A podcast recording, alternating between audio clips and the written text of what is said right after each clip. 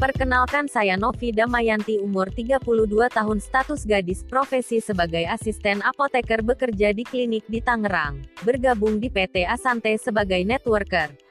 Apa itu networker pelaku bisnis dan saya menjalankan bisnisnya tidak mengganggu aktivitas karena dilakukan setelah jam kerja yaitu memaksimalkan waktu di malam hari.